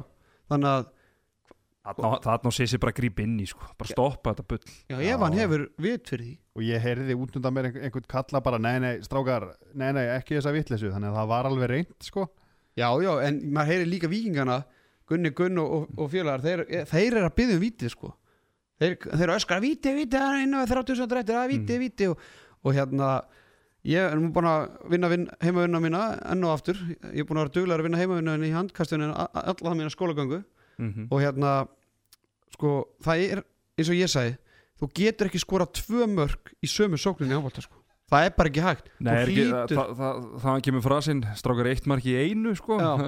en þarna bara braut Hilmar lögmálið um Já, já. að jú, þú getur skorað tvö mörg í einu og, og ég segir akkur hann brautu hann heitir Hilma Jésu og hann frangandi kraftaverk. Já. og reglundar eru þannig sko að meðan leik stendur þá þarf miðja að vera flöyti það er, það er miðjan sem staðfistir markið. Já, þannig að svo, þú, dómar getur flöytar þetta eru þrjú flaut. Já, Mhm. Dutt, dutt, mark, og svo miðjan. Dutt Já. þannig að þó að, að dómar í flöyti tut, tut, áður en miðjan er tekin þá getur hann breytt ákvörðu sinni. Mhm. því að það er miðjan sem staðfestir hérna markið. Þarna var aldrei búið að taka miðju þannig að markið sem var skorað undan var þá ekki löglegt eða gilt. Og mér finnst bara fáránlegt að félaga mínir í hérna HSI skuli ekki enn vera búin að senda út fréttatilkynningu eða láta í sér heyra. Og því að þeir sem hafa áhuga ámbalta á Íslandi þau standa bara á öndinni og vita bara ekki hvað er í gangi sko. Nei, nei ég meina er þetta bara það sem við erum að búast við að dómarinn taki bara þessa ákvörðin og bara ákveði úrslitin bara þegar á augustund Já, og er þetta ekki samt getur ekki satt líka hérna, er þetta ekki bara svona gott dæmum það er í rauninni það er alltaf verið að breyta reglunum hérna á hverju einasta ári? Er ekki þetta, bara eins einu sinni á milli ára? Já. er þetta ekki bara, þetta er bara rugglað þá félagana? Klárlega. Ég, meni, ég, ég get alveg áttum með því eða, við getum það og, og margir sem hefur rætt um þjálfara og leikmenn að hefðu þeir lendi í þessu á þessar stundu þeir hefðu ekki haft hugmynd um hvað er þetta að gera og Já. hvað, á, er það líka bara látbara leikmanna það, er Já, bara, það, það vissi í engin neitt en svo náttúrulega þegar menn fóru aðeins að hugsa þetta og pæla í þessu þá náttúrulega bara það stendur ekki stein við steini sko. Og Greigi Dóri, ég þekkja nú ágætlega markmaður sem Ég meina í hann var, hann var sko, hann var fóringi minn í vatnaskoði sko. þetta er algjör toppmaður sko, þetta er síðasti maður sem myndi fara að svindla og tefja viljandi sko. bara mesti KFM gæði sem við veitum sko. Og er gamall vikingur sko, að spila á sínum heimaölli Nei, ég meina sko, í þokkabót þá hefur maður alveg séð leikmenn tefja á æfinni sko. en Halldór þarna í markinu var langt í frá að tefja. Þeir skora og það er eina við tíu sem það eftir væntanlega tekur ekki sko, vitlis ekki nátt og hleypur og segja boltan sko. hann snýr sig við og, og röldi bara á boltan Ég Þetta var þetta gjössalega galið. Ég myndi, ég myndi, sko, ég myndi kannski gefa þetta ef hann var að tefja og láta þessu hálfviti sko.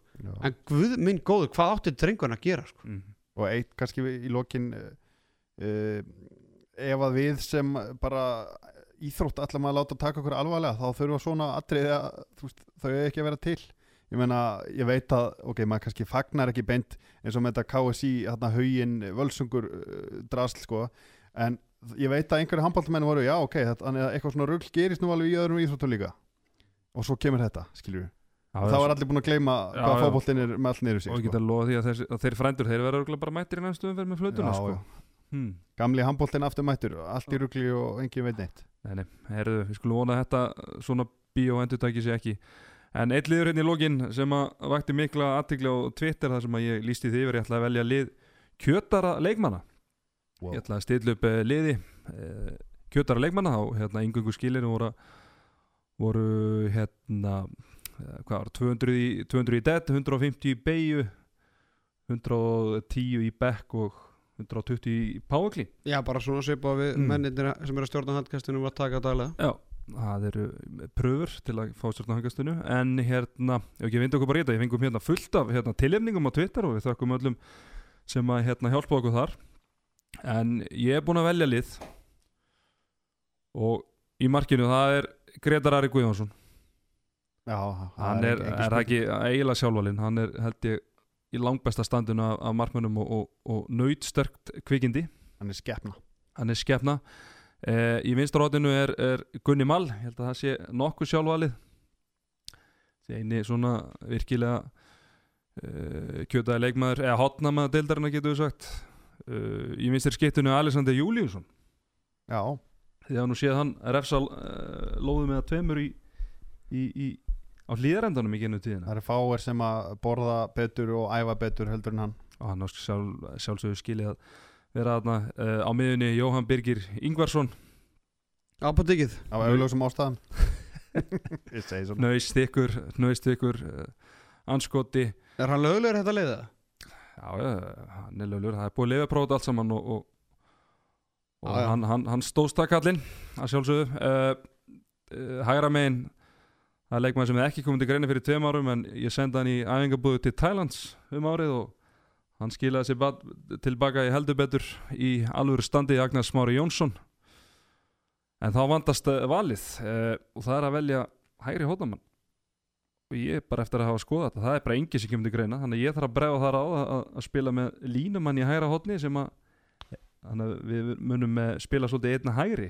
Kaupin hægri eða spána hægri? Já, og Kaupen. það er eh, eini maður sem hefur niðurlagt mig í liftingaklifa það er Daniel Mattiasson þið þráttur að vera kannski hann er ekki mesti svona kannski skrokkur en er djöfull er hann sterkur maður. Margur í knár. Já, hann er alveg Ég ætla að halda því fram hérna Hann er, þetta er sterkasti leikmaður deildarinnar.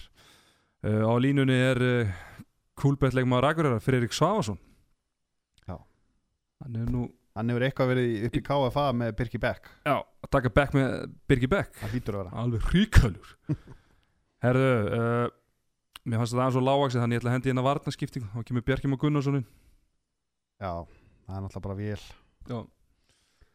Já, þetta er, þetta er ábyrgis lið. og, og þjálfara, þjálfara teimi það er, það er að sjálfsög Sverri Jakobsen og, og hérna og Ingimundur Ingimundarsson Já, er þetta ekki Gunni Magg og Maxi Magbatsi? Gunni, Gunni Magg kom til greina og, og hérna, eini sem ógnaði Gunnar Mall í vinstróðinu það var Greta Þór Eithásson hann fekk algenga tilöfningu Já, það var nú nokkra tilnefningar á Twitter sem við fengum. Já, en þetta er nú meira til gaman skert þeir eru ekki strákar ekki ánægð með þetta. Er, þetta er hrösslið allavega, getur sagt það. Hvar var þetta lið í, í deildinni? Þetta?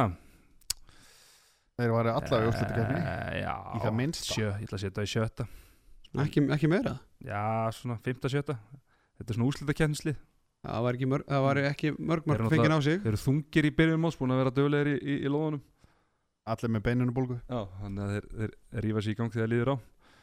Þetta, já, þetta er Ekki bara, er ekki ánað með þetta það er þegar Ponsan er uh, Já, farin úr eftir, deildinni eftir, eftir að ég fór úr deildinni þá opnuðust uh, flóðgáttir fyrir já ára Jón á stíginn. Hjálmar segði náttúrulega labba inn til hann Jón er Hjálmars- Jón- fyrir sko Jón Hjálmars og. Berg, Bergur Eli þeir hefðu náttúrulega getað manna hægra hotni í fyrra en, en þeir eru því miður í, bara í grillinu núna. Já, Þannig að í steipuri með Í- Hilmar Jésús og félögum. Já, algjörlega. Herðu, það strákar eitthvað eftir. Það er kúlbettleik maður umferðinar og við völdum þar Ásgeir Snæði Vignisson bara fyrir vasklega innkomu og, og náttúrulega hann skorar mark þarna skora mark beint úr auka já, það er alltaf skemmtilegt. Þannig að hérna, við, við fílum það þannig að Ásgeir Snær til uh, hamingju með það. Þú farið inn eitthvað frá Qbet. Herru strákar, þá eru við bara tæmdir. Já, þó nú erum að hvað er Mm. þetta orðið? Einn og hálf Þetta er tími? á einn og hálfur. Það er, En, hvað landslispása ekki? Þannig að við erum ekkert á já. listunni Þannig að það er komið landsbókus minna má það ekki vera maður. Nei, nei, nóg það var- að- það var- nóg að taka Það var nóg að taka, þetta var rosaleg Það voru mikið stórum aðtökum Þannig að ég vonandi hafið bara haft uh, gagn og gaman af þessu Ætlum ætlum að minna á hérna að við erum með nýjan Facebook-leik bara strax í, bara þegar þessi þáttur er komin inn þá hérna, við erum bara að gefa uh, Fúsi Berlín treyju frá Bjarkam á Elisinni Já. þannig að endilega ef þið viljið vinna treyjuna frá, frá landslismannunum hvað, úr árbænum, er ekki úr árbænum? Hann er orðbánum Nei. Jú, Diggur hlustandi handkastins og hérna bara frábært að fá þessa treyju frá honum og verðum bæði með þetta á Facebook og Twitter þannig að Mhm. takk endilega þátt og við munum síðan tilkynna vinningshafa þegar eh, framlýða stundir. Og svo styttist ef við gefum fyrsta vinningin til kvöldar Vá, djöðan er spenntið fyrir kölnaferðinu Það verður Það var að tella niður að Já, þetta er bara í kalendarinu, þetta styttist í þetta. Herðu, strákar, ég bara þakka ykkur kjallaði fyrir samverðinu hér í kvöld Sérstaklega þér, Baldvin hinn fróði. Þú frættir okkur mikið með viskuðinni í, hér í kvöld. Miklu frekar uh, Hangast þið þakka fyrir sig. Yfir og út. Arnar Daði og Teddy Ponsa með þér í handkastinu